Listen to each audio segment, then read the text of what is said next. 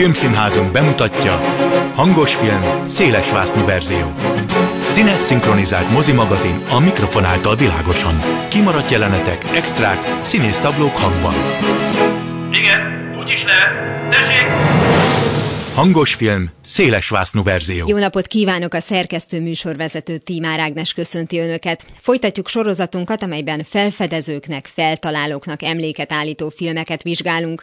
Az óceáni utazások után most végre elértük a szárazföldet, legfeljebb a vízpartra megyünk ki keresgélni ezt-azt. Vágjunk bele!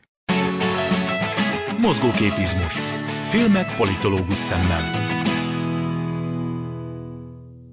Pár Ádám történész politológus a sorozat előző epizódjában a Szél fiai című koprodukciós kalandfilmet elemezte, beszélgettünk a Kapitány és Katona a világ túlsó oldalán című moziról is, amely a napóleoni háborúk idején játszódik és valós eseményeken alapul, valamint az 1975-ös Vivád Benyovszki című magyar-csehszlovák tévéfilm sorozatra is kitértünk, amely némi drámai túlzással meséli el Benyovszki Móricz kalandor életét.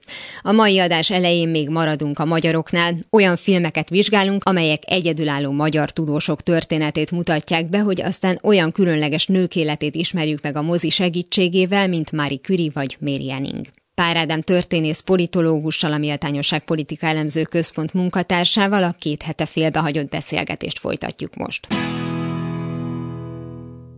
elküldted nekem, mert én ezt nem láttam a Diafilm Múzeumnak egy diafilmjét Körösi Csoma Sándorról. Igen. Ez egy rövid film ugye tulajdonképpen, uh-huh. és ugye narrációval, tehát ez egy más jellegű hát dokumen- dokumentum. Tehát igen. kicsit kapuktojás az eddigiektől. Persze, persze, csak hát azért térjünk ki rá, mert hát Körösi Csoma Sándor személye érdemli uh-huh. meg ezt a dolgot, de azon törtem a fejem, hogy őről a nem készült játékfilm. Emlékezetem szerint nem készült, legalábbis én nem találtam, de hogyha kedves hallgatók közül valaki esetleg Körösi Csoma Sándor rajongó vagy kutató, és meg tud ilyen filmalkotást bármennyire rövid, akkor feltétlenül jelezze. Én magam nem akadtam ilyennek a nyomára. Azért is örültem ennek a diafilmnek, meg ugye maga a diafilm, mint műfaj, azért eléggé kiveszett napjainkból, és hát azt kifejezetten meghatónak tartom, hogy Körösi Csoma Sándorról készült egy ilyen alkotás, egyébként egy 1983-as diafilmen, mert hát valóban, hogyha van olyan ember, aki mondjuk felfedezőnek nevezhető és megérdemli, akkor az egyértelműen Körösi Csoma Sándor. Ugye tulajdonképpen Körösi Csoma Sándor azért is nagyon hálás téma, filmhősnek akár, mert ugyanúgy, mint Benyovszki több kultúrát köt össze, hiszen ő is élt, hát egyrészt ugye székelyek között, gyerek és fiatal korában, aztán miután keleti nyelveket tanult és elindult a vándorútjára éltő törökök, arabok, indiaiak, tibetiek között is, elkészítve a tibeti-angol nagyszótárat, tehát, hogy megint csak egy ilyen sok kultúrát, sok területet összekötő figuráról van szó. Úgyhogy számomra kicsit furcsa is, hogy eddig olyan alaposabban nem fedezte fel őt a magyar játékfilmgyártás. Na hát, ha most ötletet adtunk, még egy picit maradjunk a magyaroknál, de csak pár mondat erejéig, mert ezzel időben előre haladunk, és aztán utána szeretnék mm. még egy kicsit visszaugrani igen, igen. világviszonylatban időben. A Feltaláló című filmet javasoltad, illetve mm-hmm. hát ugye az egy sorozatnak a filmesített változata volt Béres mm-hmm. Józsefről. Nekem aztán eszembe jutott még, hogy azért a Semmelweis filmet is szeretném ide venni, mert a mhm. régit, a Semmelweis az anyák megmentője, ami koprodukcióban készült, hiszen nyilván egy olyan emberről van szó, ami nem csak a magyaroknak volt fontos, uh-huh. és hogy így a járvány után azért néha le kéne adni mosatok kezet címszóval, uh-huh. bocsánat. Szóval, hogy a Béres József film mondható politikamentesnek, vagy mondható eh, reklámmentesnek, szóval és ez annyira, anélkül, hogy kimondanánk, hogy milyen terméket gyártott, pontosan tudjuk, hogy mit. Itt tulajdonképpen az ő nehézségeit mutatták be az előző rendszerben, de valójában azzal, hogy bemutatjuk az ő nehézségeit, arra mutat rá a film, hogy ő milyen fantasztikumot állít elő, amiben folyamatosan gáncsoskodnak. Igen, a politika mentességet most, ha úgy, úgy értjük, hogy az aktuál politikától mentes, akkor azt gondolom, hogy igen, nyilván a korabeli politikától azért annyiban nem lehetett mentes, hogy hát őt nagyon sokáig politikai jogból is a bürokrácia gátolta. Ez most nagyon furcsának tűnik innen, 2023-ból, hogy azt mondjuk, hogy most egy, egy feltalálót gátolnak politikai jogból, mert miért kéne politikai okot belelátni abba, hogy valamit előállít. Na igen, csak hogy egy olyan korszakról beszélünk, amikor minden politika volt, és mindent áthatott a politika. És amúgy is a kommunista rendszerek meglehetősen furcsán viszonyultak a tudományhoz, mert ugye egyrészt nagyra értékelte ez az eszme, meg a szovjet típusú kommunista rendszer a tudományt, meg a tudósokat, tehát egyik oldalról nyilvánvalóan bennük, meg a mérnökökben látták ugye az új kornak a hőseit, akik előbbre viszik az emberiséget, és nagy prométeuszi tetteket hajtanak végre, és a tudománytól kell várni a megoldásokat, nem a vallásos elképzelésektől. Tehát egyik oldalon volt egy túlfeszített tudománykultusz, Másik oldalon meg azért mégiscsak aki kívülről akart beleszólni a tudománynak a szerkezetébe, annak nagyon keményen a fejére koppintotta tudománypolitika, és hát nyilván ez történik Béres Józseffel is, aki ahogyan a filmben is nagyon jól látható, azért tehát tudományos alapon végez kísérleteket, na de az ő feje valójának a tudta nélkül, és beleegyezése és engedélye nélkül, tehát ugye itt arról van szó, hogy ő a hatalom szempontjából nézve szembe megy azzal a fölfogással, hogy a pártállam mondja meg, hogy ki mit csináljon. Tehát ebben az értelemben vastagon benne van a politika.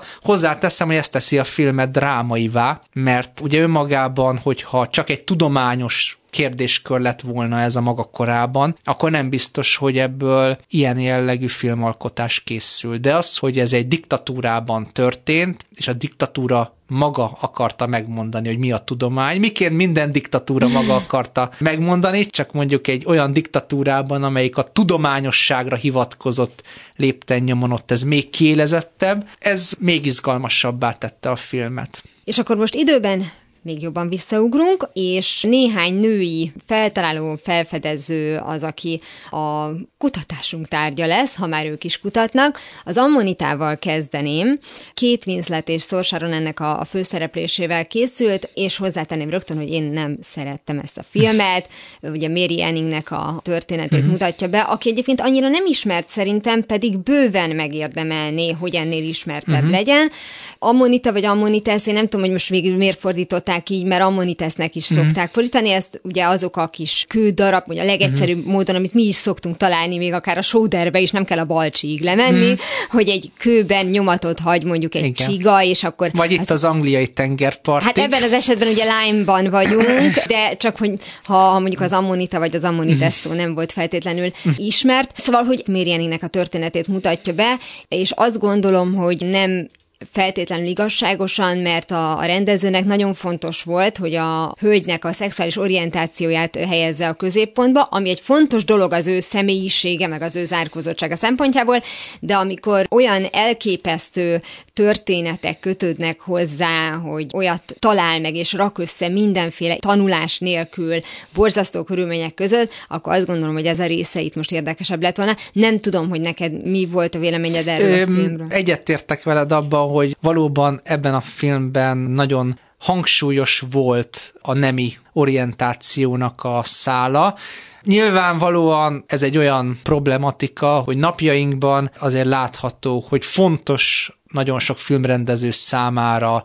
hogy kiemeljék azokat a szereplőket a régmúltból, akik emancipatórikus törekvéseket fogalmaztak meg, és mondjuk bizonyos kisebbségi csoportoknak, akár szexuális kisebbségi csoportoknak példaképei lehetnek abban a tekintetben, hogy pusztán amellett, hogy nagyon jó szakemberek valamiben, még ugye vállalták is a másságukat. Tehát ebben az értelemben véve azt gondolom, hogy a film ennek a hullámára ült fel, de valóban én is jobban örültem volna annak, hogyha kicsit a tudományosabb részéről többet látunk, de hát már nagyon sok filmnél elhangzott, hogy a valóság és a fikció néha eléggé furcsán keveredik egymással, mert hol az egyik erőteljesebb, hol a másik, és nyilván, ha a nézőre gondolunk az ő szempontjaira, akkor mindenképpen a valóság fogja a rövidebbet húzni, vagy pozitívan fogalmazva a fikció, a mese lesz erőteljesebb. És hát ugye, ha már Mary Enninget szóba hoztad, Hát valóban azért kevés női őslény kutatót tudnánk megnevezni, sőt, hát valószínűleg legtöbben senkit nem tudnának megnevezni ebből a szakmából, ami a 19. század hát elején, közepén indult el, és igazából nem is volt valódi szakma ekkoriban, tehát a biológia, botanika, zoológia, őslénykutatás, ezek mind-mind egy masszába álltak össze ebben az időszakban. A Mary Enning egyike volt azoknak, akik sokat tettek azért, hogy az őslény kutatás, meg az ősállatok kutatás az megjelenjen egy önálló kutatási irányként. Nekem már önmagában az, amivel foglalkozott elég mesés, mert mm-hmm. hogy ugye elképesztő háromdimenziós látás vagy fantázia kell ahhoz, hogy tényleg anélkül, hogy tanulta volna ezt, nagyon szépen mhm. rajzolt, mm. megtalálva ezeket a nyomokat, tehát ennek a bizonyos Ichthyosaurus? Ichthyosaurus, vagy, igen. Ichthyosaurus, amit ő talált az első, hogy ennek a részeit pontosan tudta, hogy hogyan állítsa össze, uh-huh. és mindezzel együtt, ha jól tudom, a Földrajzi Társaság nem vette fel a soraiban, mert nem volt meg a tanultsága, uh-huh. és még azt a hibát is elkövette, hogy nő. Igen, ez így van. Ugye ebben az időszakban azért a különböző akadémiák, meg klubok meglehetősen férfi társaságok voltak. Egyébként majd még lesz egy film, amiről beszélünk, ahol pont ugyanez előkerül, csak kicsivel humoros, hát relatív, mert ez szomorú eseményhez kötődik, de kicsivel kedvesebb formában, úgy mondom. Igen, tehát nyilvánvalóan még a férfiak között is nagyon kevesen foglalkoztak ezzel a szakmával, az a kevés férfi pedig ugye magának tartotta fenn ezt a hivatást. Ez mondjuk még kiélezettebbé teszi a Mary Anningnek a pályájának a bemutatását. Tehát valóban még lehetett volna akár feminista szemszögből még ráerősíteni az ő pályájára.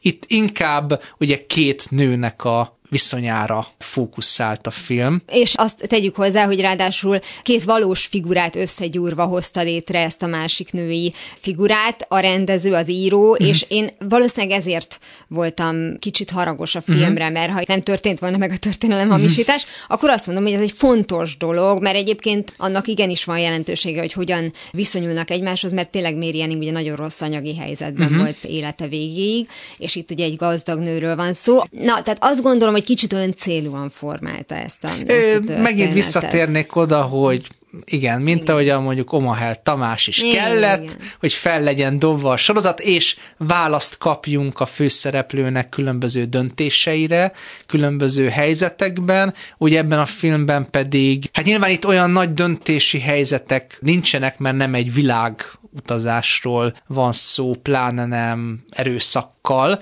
de hogy itt is az adott személyiséget jobban megismerhetjük egy kapcsolaton keresztül. Felfedező, feltaláló a kettő között természetesen van különbség, de mondjuk legalábbis valami újnak a megtalálója vagy megalkotója, és szintén maradva a női vonalnál, illetve akár konkrétan a feminista vonalnál, hogy mennyire tekinthető mondjuk egy feminista hősnek Marie Curie, az életéről készült 1943-ban is egy film Madame Curie címmel, és azt hiszem 2019-es, ahol Rosamund Pike alakítja őt, radioaktív a második uh-huh. filmnek a címe, de hát azért itt mégiscsak a, a Küri házas párról is uh-huh. van szó, tulajdonképpen nem csak őróla, de hát ez mindig izgalmasabb, hogyha egy a női nemhez valamiért sztereotípan kevésbé köthető tudományágban valaki, nem csak mint egy ilyen segítettem a férjemnek, mert a kezébe adtam a kémcsöveket, amíg csinálta a kutatást, hanem uh-huh. hogy ő mhm. maga is ugye tudós volt. Igen, igen, igen, hát Méri Curie-nek a története valóban több filmrendezőt megikletett, és hát valóban mind a mozgókép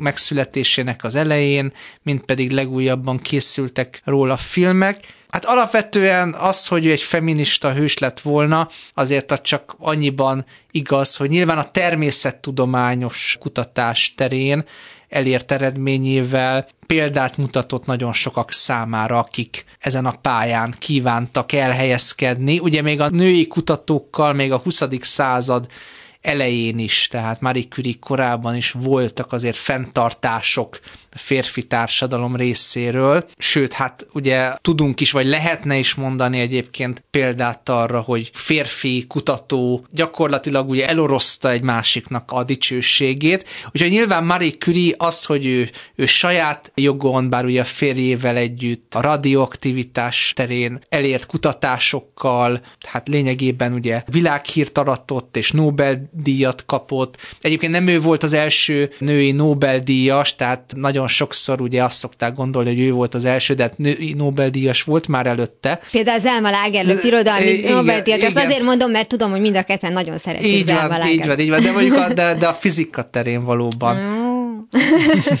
valóban, az, valóban az első női Nobel-díjas, és hát ugye ezzel az eredményével azért ugye mégiscsak bebizonyította azt, hogy egy nő is képes azra, amitre egy férfi kutató, amennyiben természetesen ugyanolyan anyagi, technikai, tudományos eszközaparátus áll rendelkezésre, tehát itt azért ebben benne van az is, hogy a kutatás, meg a tudomány, különösképpen a élettudományok, természettudományok az nagy mértékben financiális kérdés is. Nem véletlen, hogy ugye a nemzetek például Marie Curie korábban, itt az 1910-es, 20-as években e tekintetben is versenyeztek egymással.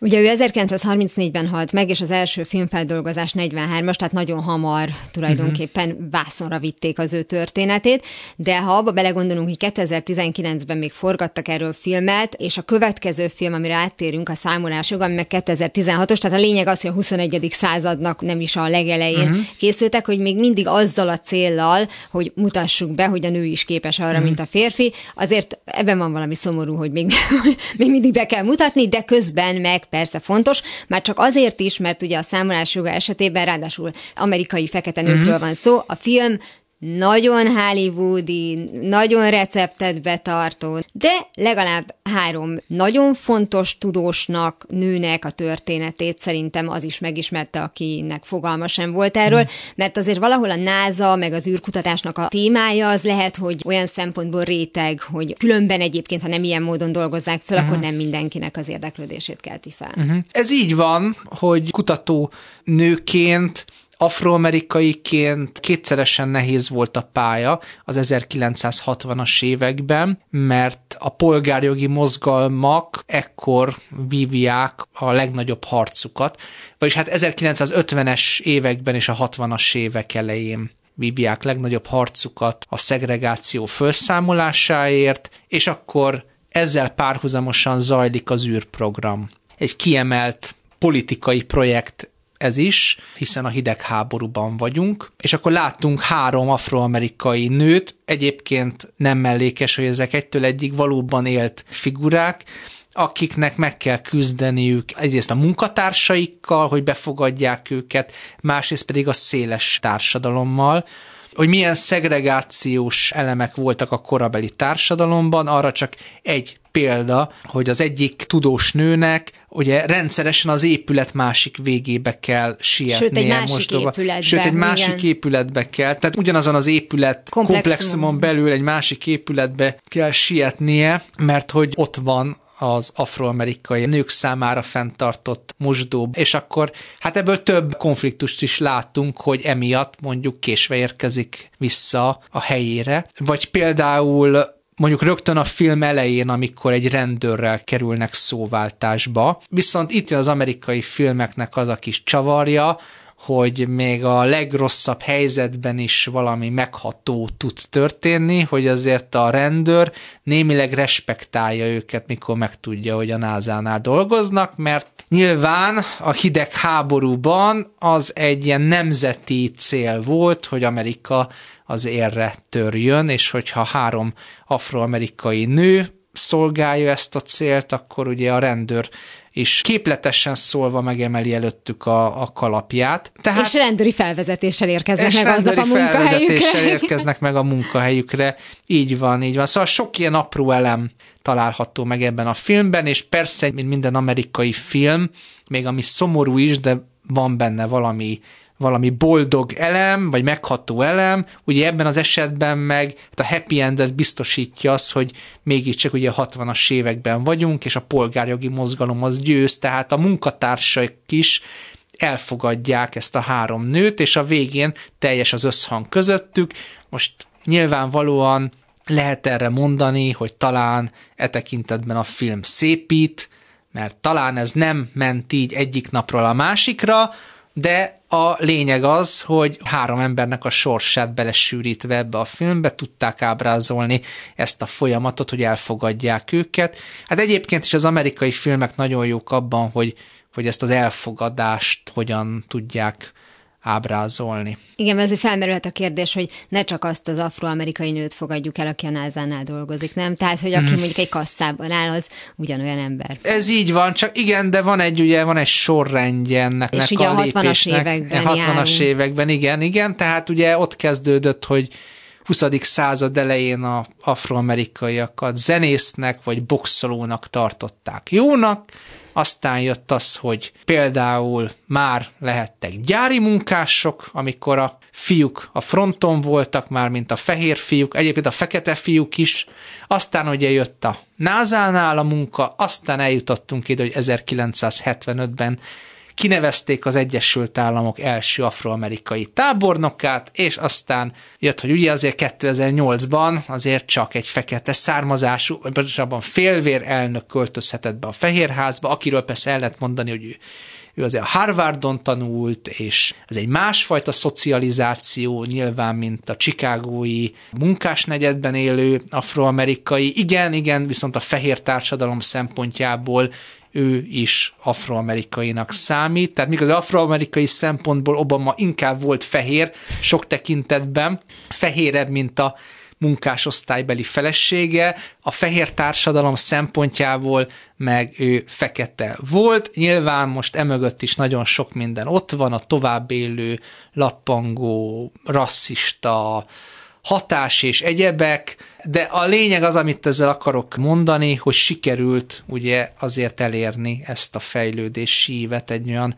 száz 30 év alatt. Miért elég soknak mondanék, de Igen. erről lehet vitatkozni, mert relatív a dolog. Soknak mondható ez, csak ugye ahonnan indult a uh-huh. dolog, tehát amilyen mélységből indult, ahhoz képest maga az út az, az eléggé mindesetre példára inspiráló más országokban is az elfogadás tekintetében, ami egyébként nyilvánvalóan hát visszaesésekkel zajlik, erről is lehetne beszélni. A lényeg az, hogy a három hősnőnk mondjuk eléggé oda tette magát, hogy megváltozzon az a szegregáció párti közeg, ami volt. Az említett filmben bemutatott három kiváló tudós közül az egyik Dorothy Vaughan az akkor még a NASA-nál is sokak számára ismeretlen számítógépek megszelidítője, majd a részleg vezetője lett és ha már különben is feltalálókról beszélgettünk, ennek kapcsán mindenképpen meg kell említenünk Ellen Turingot, aki nélkül ilyen részleg létre se jöhetett volna a 60-as években. A matematikusnak a második világháború alatt kulcs szerepe volt a német Enigma nevű titkosító gépek jeleinek megfejtésében. Napjainkban pedig már a modern számítógép tudomány egyik atyaként tisztelik Turingot. Sorozatunk folytatásában Pár Ádám történész politológussal olyan mozgóképes alkotásokról is beszélgetünk majd, mint a Gorillák a ködben, amely Diane Fossey történetét meséli el, vagy a Joy, amely azokra a találmányokra irányítja a figyelmet, amelyek a világ alakulásán talán nem változtattak sokat, de a mindennapjainkat megkönnyíthetik. Erre azonban nem a jövő héten kerül sor, ugyanis akkor a másik, az egyébként a túlélési gyakorlatunkhoz kötődő sorozatunk következő epizódja lesz hallható a házi kedv kedvenc, amelyben egy újabb kollégám osztja meg a hallgatókkal, hogy milyen műfajú filmeket szeret, hogyan szokott házimozizni, és mi alapján választ ki egy alkotást az esti kikapcsolódáshoz. Ez volt már a hangos film széles másznú verzió. Legközelebb ismét szombaton délután fél kettőtől várom önöket. Természetesen a korábbi adásokat, ahogy a mait is hamarosan megtalálják archívumunkban, valamint podcastként. Kövessenek minket a Facebookon, és ha még nem tették, iratkozzanak fel YouTube csatornánkra. Köszönöm a figyelmüket, a szerkesztő műsorvezető vezetőt, Tímár Ágnest hallották. Viszont hallásra! Hangos film, széles verzió.